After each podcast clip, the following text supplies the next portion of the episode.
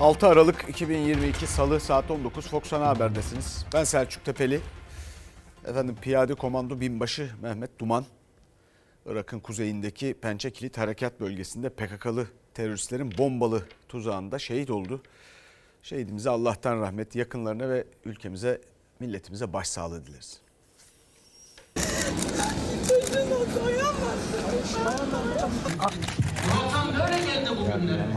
Bir yaşındaki oğlu Ömer böyle veda etti şehit babasına. Adana teröristlerin bombalı saldırısında şehit düşen binbaşı Mehmet Duman'ı sonsuzluğa uğurladı. Acı haber Irak'ın kuzeyinde devam eden Pençe Kilit Harekatı bölgesinden geldi. PKK'lı teröristlerin önceden döşedikleri el yapımı patlayıcıyı infilak ettirmesi sonucu piyade komando binbaşı Mehmet Duman şehit oldu. Şehit Mehmet Duman, Hakkari'nin Yüksekova ilçesinde düzenlenen törenin ardından askeri uçakla memleketi Adana'ya getirildi. Şehit binbaşı 41 yaşındaydı. Evli ve bir çocuk babasıydı. Her bir karışının bedeli bedeli ödenir. Şehidin memleketindeki cenazesinde eşi, ailesi güçlükle ayakta durabildi. Cenazeye şehidin kardeşi İbrahim Duman abisinin kamuflajını giyerek katıldı. Bir yaşındaki oğlu Ömer ise tören boyunca dayısının kucağındaydı. Her şeyden habersizdi. Allahu Ekber. Şehit binbaşı Sağkaya mahallesinde toprağa verildi.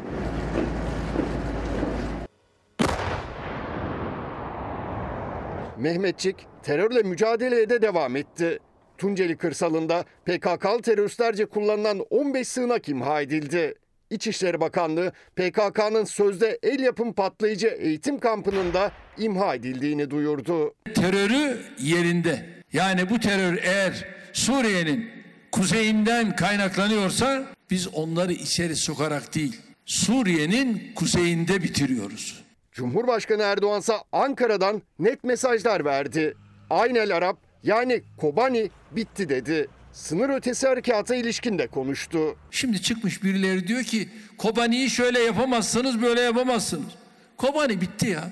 Neyi yapamazsınız? İdlib'de, Kobani'de, bütün buralarda gereken tedbirlerimiz neyse bu tedbirlerimizi her an alıyoruz, aldık ve bundan sonra da alacağız. Türkiye Büyük Millet Meclisi'nde bütçe görüşmeleri kavgayla başladı.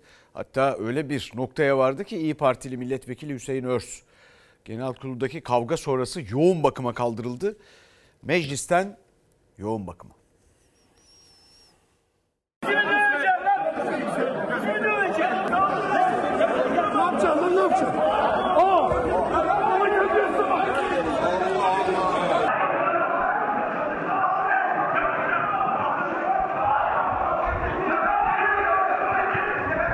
Bütçe görüşmelerinde yaşananlar AK Parti milletvekili Zafer Işık'ın yumruğuyla İyi Parti milletvekili Hüseyin Öz hem başından yaralandı hem de kalp rahatsızlığı geçirdi. Hastaneye kaldırıldı. Yoğun bakıma alındı. Hayat tehlikesi devam ettiği için yoğun bakımda tedavisi devam ediyor. Rüşveti, yolsuzluğu meşrulaştıran bir kanuna evet Tamam da böyle bir usul yok ki kardeşim. Verirsiniz. Hakaret değil efendim gerçek gerçek. Arkadaşlar niye ağlıyorsunuz? Niye ağlıyorsunuz? Ya bu ağlamanız ne zaman bitecek sizin? Ağlayanlar kiralık olanlar. İradesini kiralayan Sayın kişiler Kılıçdaroğlu. parlamentoda görev yapamaz. Nokta. Bütçe görüşmeleri yüksek tansiyonla başladı. CHP liderinin kurduğu her cümleye AK Parti sıralarından sesler yükseldi. Özellikle de yolsuzluk suçlamalarına. AK Partili Numan Kurtulmuş kürsüye çıkınca da CHP sıraları tepki gösterdi. Dün devrim arabalarının yapılmasını engelleyen odaklarla bugünün Türkiye'nin ileriye gitmesini istemeyen vesayet odaklarının temsilcileri arasında zerre miskal bir fark yoktur.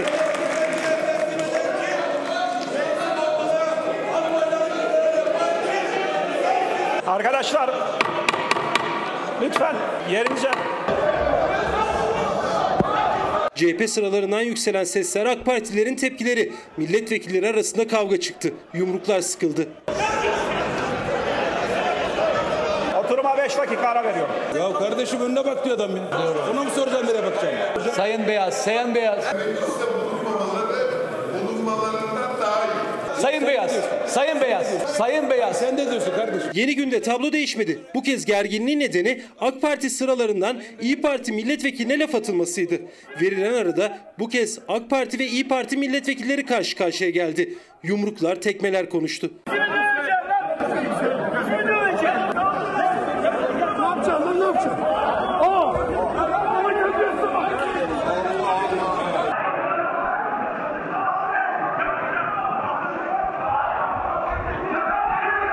AK Parti Bursa Milletvekili Zafer Işık koşarak İyi Parti Trabzon milletvekiline yumruk attı. Sonrasında tekmeler. İyi Partili Hüseyin Örs yaralandı. Önce meclis revirine kaldırıldı. Geçen seneden pil takıldığını bildiğim için EKG çekilmesini istemiştim. Kalbin durma aşamasından bir önceki aşama olan kalp ritminin bozulduğunu gö- gördük. Mecliste kalp ritminde bozukluk tespit edildi. Hastaneye sevk edildi İyi Partili vekil. Yapılan müdahale kalbin geri döndürülmesi tedavisidir. Çok kısa zamanda yapılmazsa hastayı kaybedersiniz. Buna olumlu cevap verdi. Hayat tehlikesi devam ettiği için yoğun bakımda tedavisi devam ediyor. Zaman zaman genel kurulda böyle şeyler olur. Özür dilemeyeceğim. Attığı yumrukla İyi Parti milletvekilini hayati tehlikeyle karşı karşıya bırakan AK Partili Zafer Işık özür dilemeyeceğini açıkladı.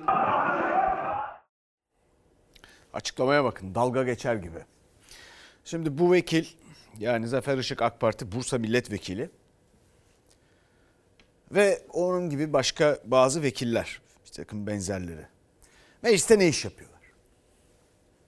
Ne iş yapıyorlar yani baktığınız zaman ne bir önerge var, ne bir araştırma var, ne bir yasa teklifi var. Arada konuşma var. Birkaç tane komisyon. Tarımla şunla bununla ilgili. Artık orada da ne faydası olacaksa. Peki ne yapıyor yani bu insanlar orada?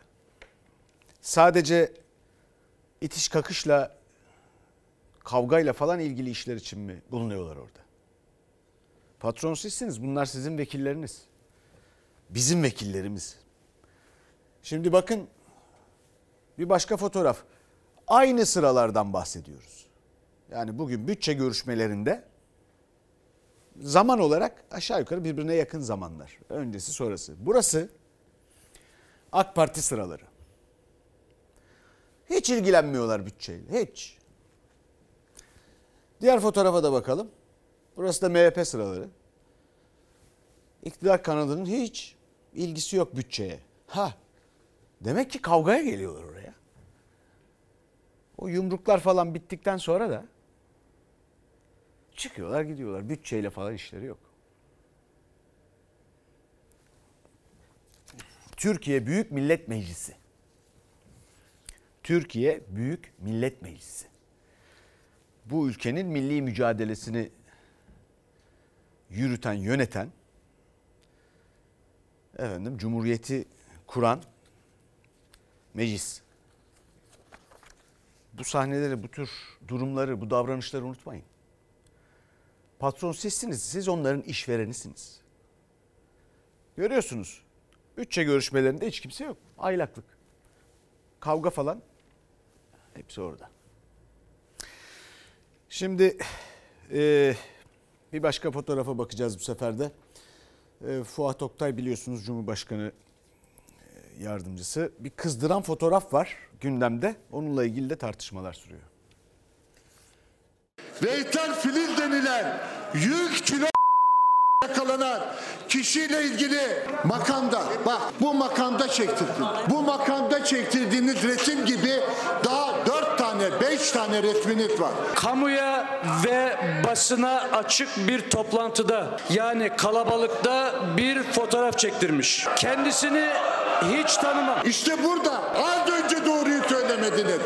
O yüzden söylediğiniz sözlerin hiçbir karşılığı. Size. Aracında 100 kilogram uyuşturucuyla yakalanan eski Brüksel Büyükelçiliği basın müşaviri Veysel Filiz'le fotoğraflarının gösterilmesi Cumhurbaşkanı Yardımcısı Fuat Oktay'ı kızdırdı.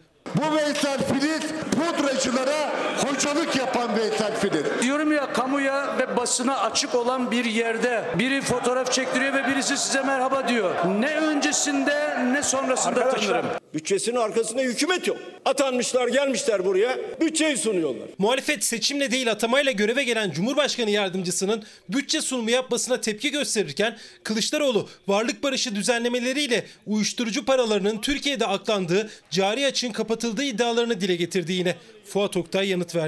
Uyuşturucu kaçakçılarının tamamının paralarını getirin Türkiye. Ne yaparsanız yapın dediniz. Eserleriyle konuşamayanların sermayesi ancak altı boş kara para iddiaları, hayali uyuşturucu trafiği gibi yalanlar olabilir. Koca Türk devletinin mafya bozuntularına çamaşırhane yapanların Allah bin belasını versin diyorum. Arkadaşlar lütfen. Numan Kurtulmuş'a zindaşti sloganlarıyla ses yükselten CHP milletvekilleri Fuat Oktay'a da başka bir ismi hatırlattı. 100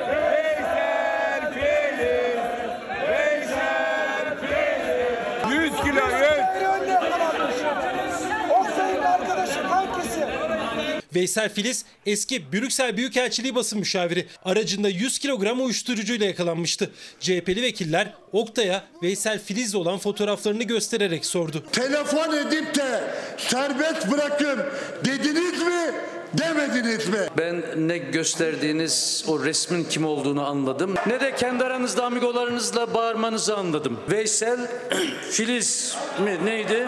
Filiz diye bir isim. AK Parti'nin siyaset akademisinde ders veriyordu.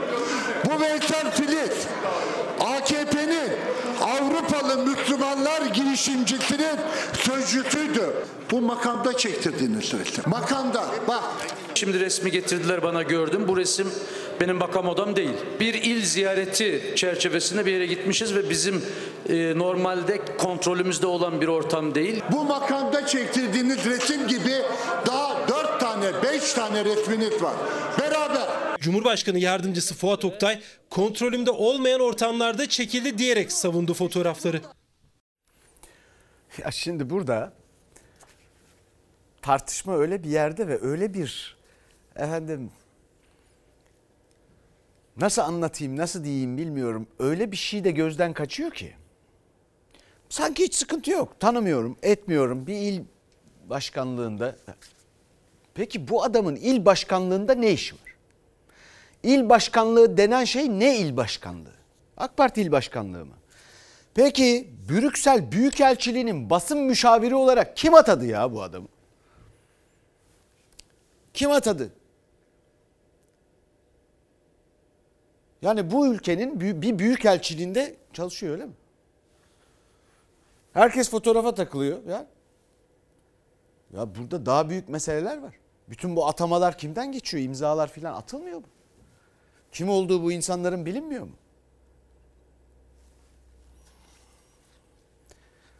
Dalga geçer gibi.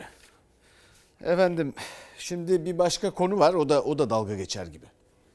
Bizim bugünkü etiketimiz dalga geçer gibi. Bakın bu da dalga geçer gibi. Bir iddia vardı İçişleri Bakanı 10 bin dolar alan siyasetçi var demişti.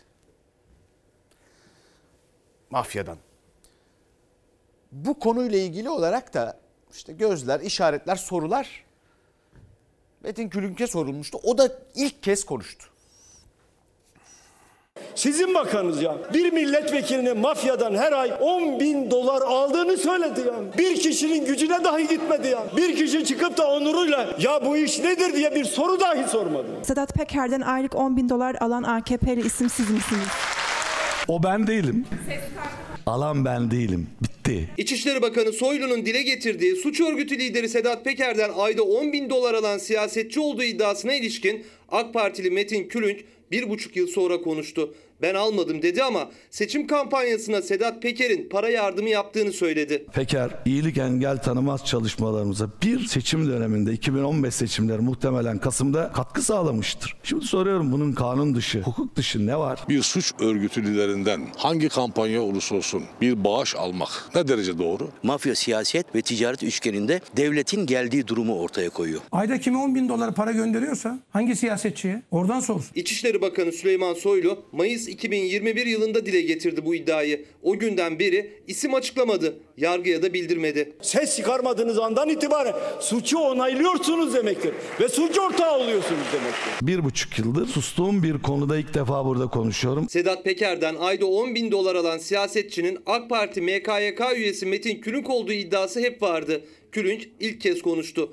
Ben almadım dedi ama seçim çalışması için Sedat Peker'in kendisine katkı sunduğunu söyledi. 2015 seçimlerinde kendisi hakkında yakalama kararı olmayan, soruşturması olmayan, hayatın her alanında var olan, siyaset, iş dünyası, sosyal medyada, insani bütün ilişkilerde olan Peker, iyilik engel tanımaz çalışmalarımıza bir seçim döneminde 2015 seçimleri muhtemelen Kasım'da teşekkür etmemize rağmen katkı sağlamıştır. Soruyorum bunun kanun dışı, hukuk dışı ne var? Bir suç örgütü lideri olduğu iddia edilen bir kişiden seçim döneminde para aldıklarını ikrar etmiş oluyor. Muhalefet itiraf diyor. Külünk'ün katkı dediği para ne kadar o da bilinmiyor ama kanun dışı bir durum yok diyerek kendini savundu. Ayda 10 bin dolar alan siyasetçi kim tartışması Külünk'ün Peker 2015 seçimlerinde katkı verdi sözleriyle yeni bir boyuta taşındı. Açıklamalara bakar mısınız? Özürler, e, af, aflar nasıldı arkadaşlar o söz ya? Hayır özrü e, kabahatinden büyük. Öyle denir ya. Şimdi o kadar acayip ki burada da acayip şeyler var. Bakın iyilik sınır tanımaz. Hareketi, bir şeysi, kampanyası. Buna bağışta bulunuyor. Kim? Sedat Peker. Sedat Peker ile ilgili İçişleri Bakanı'nın veya AK Parti tarafının iktidarın neler söylediğini biliyorsunuz. Hakkında işte iddialar şunlar bunlar suç örgütü e, lideri diye. Bunda bir problem yok diyorlar. Sonra bir soru soruluyor. O soruya cevap veriliyor filan. Ha bu arada o soruyu da gazeteciler soramaz ha. Genç arkadaşlar sormuşlar. Sonra da söylüyor. Hayır almadım bitti. Sonra bir aması var. Peki kim aldı o zaman? Her ay 10 bin doları kim aldı? Hangi siyasetçi aldı? Bu iddianın arkası nedir? Yani bunu kimse niye araştırmıyor? Bunu öğrenmeyecek miyiz biz? E, unutmuyor gençler işte. Kim unutacak? Kimse unutmuyor elbette. Ha bu arada burada iyilik sınır tanımaz. Böyle. Öbür tarafta başka bir yerde pudra şekeri. Valla dalga geçer gibi işte. Evet biz şimdi gelelim asgari ücrete. Ee, gerçekten bu başlık zaten bizim etiketimiz oldu. Ee, Nurettin Canikli eski bakan, başbakan yardımcısı, şimdi AK Parti e, Genel Başkan Yardımcısı Nurettin Canikli, milletvekili. Efendim bir hesap yaptı. Asgari ücretle ilgili bir hesap yaptı. Siz deneyin. Sonra üstüne konuşuruz. Bir yıl önce dana kuşbaşı etinin fiyatı 68 lira. Bugüne kadar 130 lira. Bir yıl önce 2825 liralık asgari ücret ile 41 kilo alabiliyor. Bugün 5500 liralık asgari ücret ile 42 kilogram alabiliyor. Çok artış yok ama düşmemiş. Sayın Canikli hangi kasaptan et alıyorsa o kasabın adresini hepimiz merak ediyoruz. Fakirleşme yok, zenginleşme var. Rakamlar bunu gösteriyor. Tabii akıllara zarar bir iddia. Yani bu ülkede yaşayan 85 milyon insan alım gücünün ne duruma geldiğini yaşayarak görüyor. AK Parti Ekonomi İşlerinden sorumlu Genel Başkan Yardımcısı Nurettin Canikli asgari ücretin alım gücünü dana kuşbaşı üzerinden hesapladı. Bir sene önceki 2825 liralık asgari ücretle 41 kilogram dana kuşbaşı alınırken bugün 42 kilogram alınıyor sözleri tepki çekti. Makarna 1.29 euro, kur 18.66. Bu rakamlara göre Alman asgari ücretlisi 1256 adet makarna alabilir. Türkiye'de ise 523 paket alabilir. Ya 89.96. Geçen sene 35.90'mış. Bir sepet oluşturduk. Bu sepette aldıklarımız şu anda 1648 lira. Aynı ürünleri biz 2021'in Kasım ayında almıştık. 871 lira tutmuştu. Muhalefet rakamlarla alım gücündeki düşüşü ortaya koyarken iktidar, işçi ve işveren arasında asgari ücret pazarlığı da başlıyor. Asgari ücret gibi konularda gereken fedakarlıkları yaparak çalışanlarımızın haklarını, hukuklarını, refahlarını ne kadar iyi korursak bu ortak hedeflerimize o derece hızlı ve güvenli oluşabiliriz. Bugün neredeyse ortalama ücret haline gelen asgari ücret artık açlık sınırının altında. Asgari ücret neredeyse çalışanların yarısını aldığı bir ücret. Asgari ücretli oranı şu anda %37 civarında. Asgari ücret toplantısından bir gün önce işverenlerle TİSK Genel Kurulu'ndaydı Cumhurbaşkanı Erdoğan da Çalışma Bakanı Vedat Bilgin de artış oranına ilişkin bir ipucu vermediler. Bütçe görüşmelerinde AK Partili Canikli'nin kuşbaşının yanı sıra dolarlı asgari ücret hesabı da muhalefeti konuşturdu kırmızı et tüketiminde bütün bu fakirlik edebiyatına rağmen bir azalma söz konusu değil. İki çocuklu bir aile ise kira veriyorsa yani tek geliri asgari ücretse zaten bu şartlarda et alma şansı yok. Hele hele kırmızı et alma şansı yok. Bir yıl önce asgari Sayın ücretli 2825 lira ile 200 9 dolar alırken bugün asgari ücretli 5500 lira ile 295 dolar alıyor. Dolar bazında artış yüzde 43. Asgari ücretli 5 ay önceye göre alım gücü 1500 lira kaybolmuş. Niye? Yüksek enflasyon dolayısıyla. Temmuz ayında asgari ücrete yapılan ara zamla o gün 329 dolar alabiliyordu asgari ücretli. 5 ay sonra bugün 295 dolar alınabiliyor. Yani 4 aydaki kaybı 34 dolar ve Avrupa ülkeleri içinde sonda sondan ikinci ama Canikli alım gücü arttı diyor. Gelir artıyor, üretim artıyor, istihdam artıyor, tüketim artıyor. Daha ne olsun? Halkın yaşayarak hissettiği enflasyonsa %160'lar dolayında olduğunu hepimiz görüyoruz. Yani bunu saklamanın, gizlemenin bir anlamı yok. Gerçekler böyle. Efendim dana kuşbaşı hesabı. Yani bakanlık yapmış bir isim Nurettin Canikli. Kimse anlatmıyor mu? İnsanların hayatı üzerinden böyle kimsenin gülmeyeceği tuhaf benzetmeler, efendim anlamsız hesaplar, dalga geçer gibi sözler edilmemesi gerektiğini. Hele böyle bir gündemde, hele böyle bir zamanda. İnsanların kirası var, okul parası var, ısınması var, suyu var, elektriği var, şu su var, bu su var. Dana kuşbaşısı yok. Asgari ücretlinin öyle bir şeysi yok. Ama bir hesap çıkarılıyor. O da 42 kilo da değil ha. 41'den 42 diyor da öyle değil. Onun kendi yaptığı hesaba bir bakınca 800 gram. Bütün bu tantana 800 gram için dana kuşbaşı hesabı. Peki eski bakanlıktan tazminatı var. Bu benzersiz e, kıyaslamayı yapan Nurettin Canikli'nin eski bakanlıktan tazminatı var. Efendim milletvekilliğinden aldığı para var. Efendim e, emekliliği de vardır onların. E başka kendi işlerini de yapıyordur filan ama hadi onları boş verelim yaptığı işleri filan. Bir asgari ücretliyle madem hesapta neyse hayat kuşbaşından ibaretse böyle bu insanlarla geçinmeye çalışan asgari ücretli insanlarla Nurettin Canikli arasında her ay 5 dana var 5. 5 tane aşağı yukarı. Efendim biliyorsunuz gördünüz bakın o öbür hesap da başka bir hesap. 1 Ocak'tan 6 Aralık'a 1 Ocak 1 Temmuz orada bir zam daha yapıldı arada. 6 Aralık 325 dolarmış asgari ücret karşılığı bizim. Sonra 328 dolar olmuş yazın bir düzenlemeyle. Şu anda 295 dolar. E ne oldu? Gene kaybettik. Gene kaybettik. Gene eridi. Hesap da öyle değil yani. Nasıl eridiğine de şimdi bakalım. Bir bakalım şimdi enflasyon maaşları nasıl yutuyormuş, nasıl eritiyormuş. Yıl sonunu nasıl kapatıyorsunuz? Ne kadar borçla? Eksi 40 binle kapatıyorum. Eksi 40 bin 40 mi? binle. Bu sizin kaç maaşınız ediyor? 4 maaş.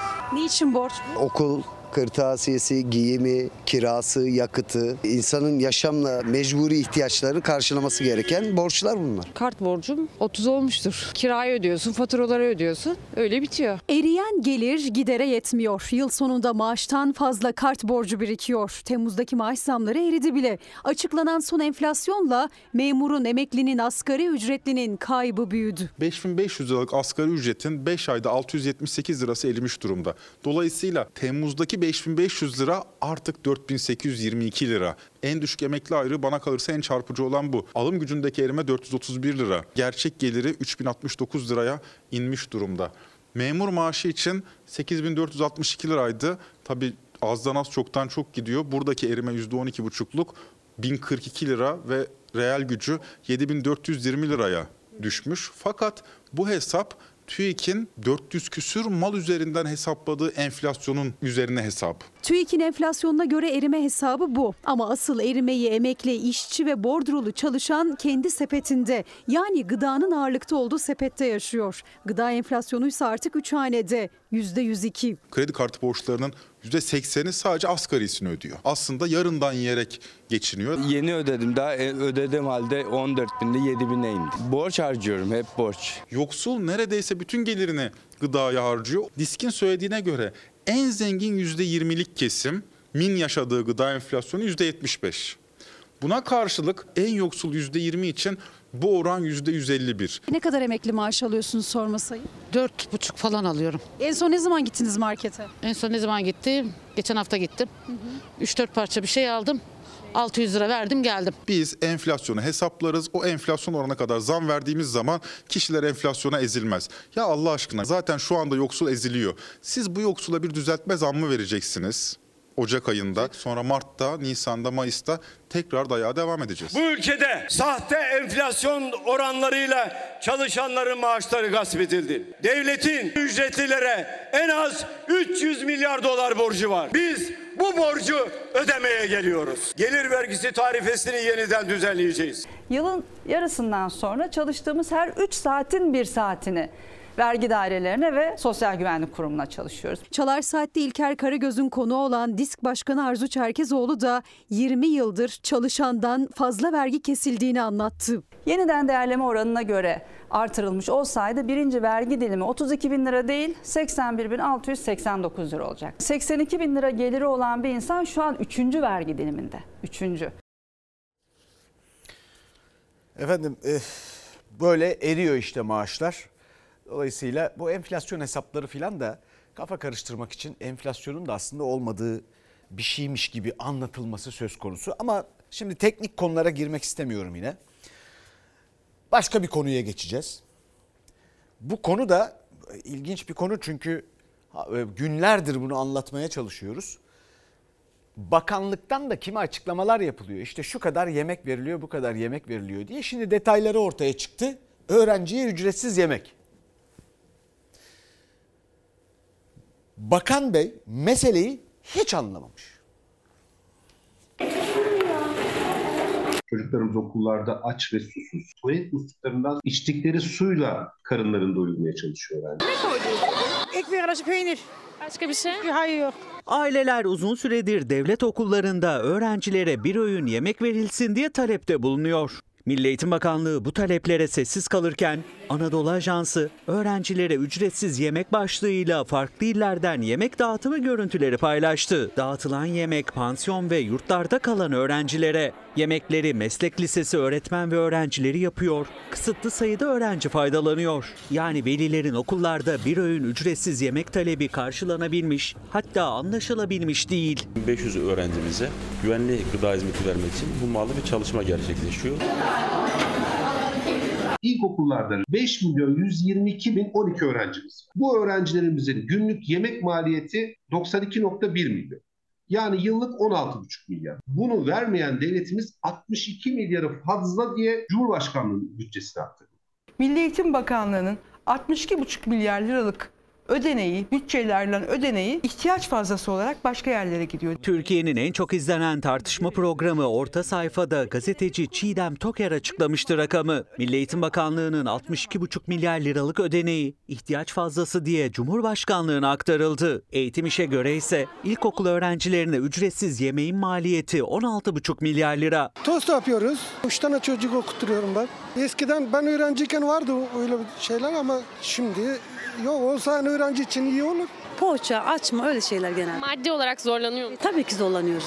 Aklınız kalmıyor mu keşke daha iyi hazırlayıp? Tabii ki kalmaz mı? Sayın Bakan, öğrencilere ücretsiz yemek uygulaması ile ilgili Akşener'in Bugün şu OSD meslek eğitim zirvesinin keyfini çıkartalım. 100 bin imza toplandı. Milli Eğitim Bakanı ne o imzalara ne de Fox Haber'in sorusuna yanıt verdi. Muhalefet partileri öğrenciler için ücretsiz yemek verilmesini teklif etti meclise. AK Parti ve MHP oylarıyla reddedildi. CHP yönetimi tüm CHP'li belediye başkanlarına beslenme çantası talimatı verdi. Kılıçdaroğlu'nun çağrısıyla seferberlik başlatılması, çocuklara yemek yardımının yaygınlaştırılması istendi. Çocuklarımızın kansızlıkla, anemiyle ve gelecekte bu nesilde özellikle ciddi sağlık problemlerinde yaşanacağını görüyoruz. Görmeyen, duymayan, anlamayan bir zihniyet var. Bu ülkenin geleceğinden, çocuklarından bahsediyoruz. Efendim 62.5 milyar lira lira bütçede fazla. Veriyorlar onu. Bu parayla bu çocukların karnı 3,5-4 yıl doyar. Ha Canikli, Nurettin Canikli'nin hesabıyla 48 milyon ton dana kuşbaşı yediririz bu, bu çocuklara. İlkokul çocuklarımıza. Ha onlar olaya öyle bakmıyor olaya. Çocukların karnını doyurmakla ilgile, ilgilenmiyor onlar. İlgi alanında da başka şeyler var. Dalga geçer gibi. Uzman çavuşlarımıza bakacağız şimdi. 200 bin uzman çavuş da kadro bekliyor. Parklarda çiçek ekenlere kadro veriliyor. Vatan için can ekenleri de düşünün diyoruz. Vatan savunmasının sözleşmesi olmaz diyoruz. 600 bine yakın sözleşmeli kamu çalışanına kadro müjdesi geldi. Ama onların içinde sözleşmeli uzman çavuşlar yok. Terör operasyonlarında, sınır ötesi harekatlarda canları pahasına görev yapıyorlar. Gözlerini bile kırpmadan ölüme giden uzman çavuşlar iş güvencesi istiyor. Pençe Kilit Harekatı'ndalar, Suriye'deler, e, Kuzey Irak'talar. Can veriyor bu kahramanlar. Yarından e, ilgili endişeler var. Hastalandıklarında sözleşme pes oluyor, meslekten atılıyorlar. Halihazırda 3 yılı dolmuş olan sözleşmeliler hemen aday memurluğa geçiş yapabilecektir. 600 bine yakın memura kadro veriliyor. Ama erbaşlara, uzman çavuşlara bu kadro verilmiyor. Canlarını veriyorlar ama kadrosuzlar. Kadro kapsamı dışında kalanlar sözleşmeli askeri personel, sözleşmeli akademik personel, sözleşmeli kit personeli, 200 bin uzman çavuşu kadro kapsamına alınmamasını meclis gündemine taşıdı CHP'li Atilla Sertel. Kanun teklifi verdi ama AK Parti ve MHP reddetti. Uzman çavuşlara kadro güvencesi verilsin demiştim. Ne yazık ki bu kanun teklifi AKP ve MHP oylarıyla reddedildi. Eliniz ayağınız kırılsa 90 gün içerisinde iyileşmeniz lazım.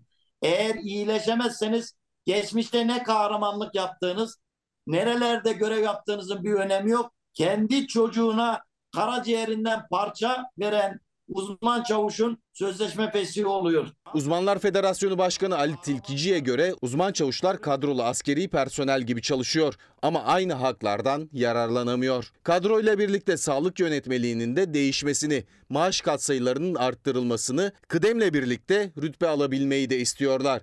En azından emekliliklerinde rahat bir nefes alabilmeyi talep ediyor uzman çavuşlar. Silahlı kuvvetlerimizin en önde giden, toprağa ilk düşen en fazla şehit gazi olmuş camiası. Neredeyse tamamı geçim sıkıntısı çektiğinden dolayı, aldıkları emekli maaşları yetmediğinden dolayı şu anda 55 yaşından sonra ek işlerde çalışıyorlar. Efendim kıymetli izleyicilerimizden gelen mesajlar. İnşaat mühendisleri olarak üniversiteye dereceyle girdik. Ama 3000 ilk 3000'e girip 90-92 puan aldık ama kamuya giremiyoruz diyorlar. Fizyoterapistler atama bekliyorlar efendim. Sağlık atamasında dalga geçer gibi sadece 490 atama yapılmış diyorlar. Staj SSK başlangıcı sayılsın, e, sigorta başlangıcı sayılsın diyen izleyicilerimiz var. Ve elbette dalga geçer gibi olduğuna dair pek çok eleştiri var bizim haberlerimizde söz konusu olan siyasetçilerle ilgili olarak. Şimdi bakalım EYT, emeklilikte yaşa takılanlar. Onlarla ilgili mesajlar da var. Çünkü şimdi şu anda hala hayata geçmedi bu düzenleme. Fakat dün de verdik, bugün de takipçisiyiz. Bu insanları işten çıkartmaya başlayanlar var. Bakalım şimdi bu tehlike yol olmasın diyoruz. Neymiş karşımızdaki tehlike? Şimdi bu elinizdekiler. Evet. Nedir? Bunlar 5 tane e, icra dosyasının evrakları. Hepsi bunlar kredi kartları, krediler, ek hesaplar, maaş hacizleri, ev eşya icra dosyaları. Haciz memuru kapınıza geldi mi? Evet geldi. Kaç Aldı kere? Tabii tabii kaç kere geldi. Evimde zaten 20 yıllık eski buzdolabı var. Onu mu alacaksınız? Onun için mi geldiniz dedim. 25 yıllık çalışma hayatı sonunda elinde kalan icra belgeleri, borç kağıtları. Hakan Üstündağ da milyonlar gibi emekliliği bekleyen bir EYT'li. Dün itibariyle bulduğum işten de çıkartıldım. Ekonomik e, gerekçelerle e, personel e, kadro daraltmasını gidip özel sektörde olduğumuz için. Çok taze. Evet çok taze. Ne hissediyorsunuz? E, düşünüyorum yani ümitliyim inşallah şu artık EYT kanunlarını hakkımızı verecek şekilde çıkartırlar. E, biz de bir daha bir daha iş aramak, iş bulmak zorunda kalmayız. Elinde telefon iş başvurularından gelecek aramaları bekliyor ama yaş engeline takılıyor çoğunlukla.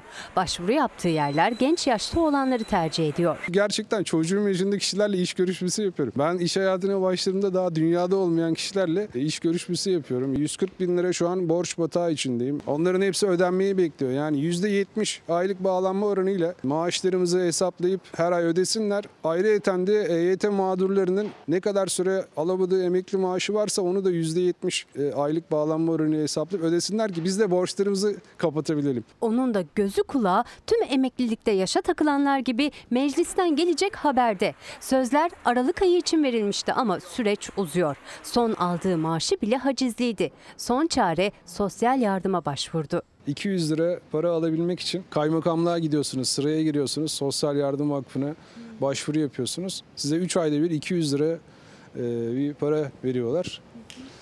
Bu da onun belgesi. Bu da onun başvuru belgesi evet. 16 Aralık'ta mecliste bütçe görüşmeleri sona eriyor. EYT'nin meclis gündemine ne zaman geleceği hala belli değil. Hakan Üstündağ'ın da diğer EYT'liler gibi artık beklemeye sabrı yok. 4 değil 14 gözle bekliyoruz. Artık çok geç kaldı. Bizler bu ülkenin vatandaşıyız. Yıllarca çalıştık. Peşinen her ay biz e, emeklilik e, primlerimizi ödedik. Her ay peşinen vergilerimizi ödedik. Artık bu EYT sorununu çözsünler. İnsanlara haklarını teslim etsinler. Görüntülerde duvar yazısını fark ettiniz mi? Efendim zaman bizi yendi, anılar kaldı yazmışlar duvara. Şimdi bambaşka bir konuya gideceğiz yine. Fakat burada da dalga geçer gibi bir durum var ve hem öyle bir durum ki hiç gerçekten dalga geçilmemesi gereken bir durum. Amasya'nın Taşova ilçesine bağlı Çambükü köyü. Biliyorsunuz buraya bir işte sanayi bölgesi bir şey yapılacak. Fakat bilir kişi köylüyü verimli topraklar buralar. Burada lüzum yok. Civara da bakıyorlar herhalde. Var yakınlarda da. Haklı buluyor. Ama dalga geçer gibi sabah iş makineleriyle uyanıyorlar yine köylüler. Bakın neler oluyor.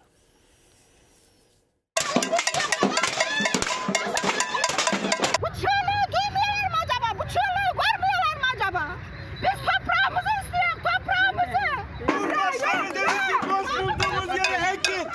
Bize de burası kaldı, burası asfalt. Ellerinde ne tarla kaldı ne mera. Onlar da asfaltı traktörle sürüp üstüne buğday attılar toprak niyetine. Bilir kişi olmaz dedi ama organize sanayi bölgesi kurulmak istenen Çambükü köyüne valilik yine asker yığdı. İş makineleri ağaçları söktü. Köylüler sesleri duyulmayınca bu kez tencereli tavalı eylem yaptı.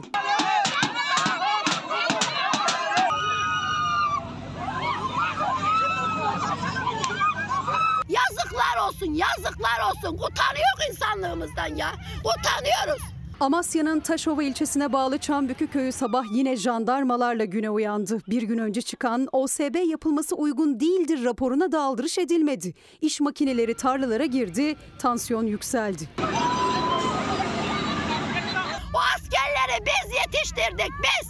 Karşımıza evlatlarımızı dikmeyin. Biz toprak derdindeyiz, vali koltuk derdinde. Şu ceviz ağaçlarını 20 senede büyüdü, 20 senede bu hale geldi. Ağaçlar sökülürken, tarlalar dümdüz edilirken köylü kadınlar seslerini belki duyan olur diye eylem yaptı. Biz bu ağaçları nelerinden büyüttük. neler hizmet ettik. Avucumuzla su götürdük. Yonca tarlamı kazıdılar, mısır tarlamı kazıdılar. Tarlaları gözleri önünde yavaş yavaş yok edilen köylüler bu kez traktörle asfaltı sürdü. Toprakları yerine asfalta buğday attı. Devlet görsün. Ekecek, sürecek bir yeri kalmadı bu köylünün. Bizim köyümüze ellemesinler. Biz bu köyü seviyoruz. Köy de bizi seviyor. Davalar sürüyor. Bilir kişiler köylüyü haklı buldu ama OSB talanı devam ediyor Çambükü'nde. Köylü toprakları için direnmekte kararlı. Biz toprağımızı istiyor. Başka bir şey istemiyor. Biz toprağımızı seviyoruz. Onlar toprağına sarılıyor. Siz de onlara sarılsanız iyi edersiniz. Çünkü işimiz bu kafayla, bu yapılanlarla işimiz çok zor. Çok zor. Efendim şimdi kış saati, yaz saati meselesi biliyorsunuz. Çocuklar karanlıkta yollarda, bakan savunmada. Çok erken kalkamıyoruz. Geç kalıyoruz sürekli. Uyuyorsunuz galiba. Evet biraz. Ne kadar erken yatarsan yat abla o saate ayarlayamıyorsun kendini. İlk üç ders uyuyoruz. İki gider zaten bütün okul uyuyor. Öğrenciler hava aydınlanmadan okul yoluna düşüyor. Veliler tedirgin kış saatine geçilmesini istiyorlar. Ancak kalıcı yaz saati uygulamasında ısrarcı hükümet. CHP lideri Kemal Kılıçdaroğlu özellikle çocuklarda ve gençlerde hastalıklara yol açabileceğini söylemişti karanlığın. CHP'li vekil Sibel Özdemir de Enerji Bakanı'na sordu. Bakan mevcut uygulamanın değil saatleri değiştirmenin stres ve depresyona yol açtığını savundu. Gün ışığı bir sinyaldir. Bu sinyal gelir ve fizyolojik süreçleri kontrol eden çeşitli hormonların üretimi başlar. Bunu engellerseniz hastalıklara yol açarsınız. Saat değişimlerinin getirdiği kaygı, stres, depresyon gibi olumsuzlukların sabit saat uygulamasında daha az yaşanacağı ortaya konulmuştur. Buradan sormak istiyorum. Bu rapor nerede? Bu rapor bilimsel olarak kanıtlanmış mı? Ve bu raporun da bizlerle ve kamuoyuyla paylaşılması gerektiğini tekrar iletmek istiyorum ben. İlk ders nasıl geçiyor? Çok kötü uyuyorum. Psikolojik olarak bu sizi nasıl etkiliyor? Çok kötü. Dersler çok kötü geçiyor. İlk iki derste hep düşük oluyor dersim yani. İşte bu verimlilik hususunda bu yaz saat uygulaması Türkiye'ye çok önemli bir katkı yaptı. 2016'da o dönemin Enerji Bakanı olan Berat Albayrak'ın kararıyla başlamıştı kalıcı saat uygulaması. Mevcut Enerji Bakanı Fatih Dönmez de arkasında durdu. Enerji tasarrufu sağladığını savundu. Uygulamanın başlamasından bu yana elde edilen tasarruf yaklaşık 6,82 milyar kilowatt saat. Sadece elektrik tüketimi açısından baktığımızda %5 ile 6 arasında elektrik tüketiminde bir artış olduğunu gördük. Saat şu anda 7. Öğrenciler okula gelmeye başladılar. Yarı uyur, yarı uyanık haldeler. Havanın aydınlanmasına ise daha çok var. İlk ders neredeyse uyuyarak geçiyor. Çünkü hava 8'den sonra ancak aydınlanmaya başlıyor. Sabah 7'de okula geliyoruz. Karanlık. İkinci ders, üçüncü ders falan hava aydınlanıyor. Çok zorlanıyoruz. Hani uykusuz kalıyoruz. Yani bu böyle gitmez yani. Öğrenciler, veliler, çalışanlar saatlerin geri alınmasını istiyor. Memnun değiliz bu saatte gelmekten. Daha çok uykusuz oluyoruz gün içinde. Dersler daha kötü ilerliyor. Şimdi yine sağlıktan devam. Çocuklarda salgın var, ilaç yok. Acil servisler tıklım tıklım çocuk hastalarla dolu ve bunların infekte olmuş ebeveynleriyle dolu. Türkiye'de adı konulmamış bir ilaç kıtlığı yaşanıyor. Çok kötü. İyileşememek gibi bir şey yani ilaç bulamamak. İlaçların piyasaya arzında ülkemiz özelinde genele matuf ve süreyen bir sorun bulunmamaktadır. Sağlık Bakanı Fahrettin Koca sorun yok dese de eczaneden çoğu ilaç için eli boş dönüyor hastalar. Özellikle çocuklardaki grip salgını nedeniyle yoğun bakım servislerinde doluluk oranı arttı. Aileler ilaç bulamamaktan şikayetçi. Yoğun bakıma yatması gereken çocuk sayısında da bir artış var şu anda. Şu anda eczane raflarında 5 ilaçtan bir tanesi yok durumda. Tespit edilebilen 650 kalem ilaç eczane raflarında yok. Tüm bunlar yaşanırken iktidar kanadı bu sorunu yok sayıyor. Ülkemizde son bir yılda piyasaya arz edilen ilaç sayısı kutu bazında bir önceki yıla nazaran %13,5 oranında arttı. Sağlık Bakanı ilaç arzında sıkıntı olmadığını savunarak yanıt verdi CHP'li Burhanettin Bulut'un sorusuna. Ancak firmalar bakanlığın sabit euro kuru nedeniyle Türkiye'ye ilaç getirmek istemiyor. Başta çocuk ilaçları eczacılara göre ilaç sıkıntısı büyüyor. Aklınıza gelebilecek her grupta az ya da çok e, ürün eksiğimiz var. Yani bunların arasında tansiyon ilaçları da var, şeker ilaçları da var, e, göz ilaçları da var, kanser ilaçları da var. Gelenler 5. 6. eczane lütfen bu ilaç olsun diye geliyordu e, hastalar ya da hasta yakınları. Göz damlama aradım mesela eczane eczane. İngiltere'de ise strep A enfeksiyonu nedeniyle 8 çocuk yaşamını yitirdi. Hastalık şimdilik Türkiye'de görülmedi. Ancak çocuklar arasında patlak veren grip salgınına karşı uzmanlar aileleri uyarıyor. Muhalefet ise Sağlık Bakanlığı'nın ilaç sıkıntısını çözebilmek için öncelikle sorunu kabul etmesi gerektiğini söylüyor. Hepsi solunum yolunu tutan etkenler. Özellikle kulaklarda ciddi yan etkiler ve akut otit dediğimiz kulak enfeksiyonları meydana gelmekte. Yine sinüzit dediğimiz sinüslerin hastalanması da mümkün. Erken evde vakit geçirmeden doktora çocuklar gitmeli ki bu çocuklar eğer tedavi edilmezlerse menenjite kadar giden klinik tabloya yol açabilir. Bu sorunu yok sayarak çözme şansınız yok. E bu zenginlere kur korumalı mevduat var. E işte burada da öneri kur korumalı ilaç olsun. Sağlık bu ya. Kur korumalı ilaç niye yok peki? Şimdi bir ara. Bir izleyicimiz demiş ki milletvekilleri için bizim seçtiklerimiz diyorsunuz da ne siz ne de biz değil partilerin genel başkanları seçiyor onları. Doğru. Demek ki siyasal partiler yasasının da değişmesi gerekiyor. Efendim yarın görüşmek üzere. İyi akşamlar. Toprağına bin can feda bir tek dostuma her köşesi cennetin ezilir yer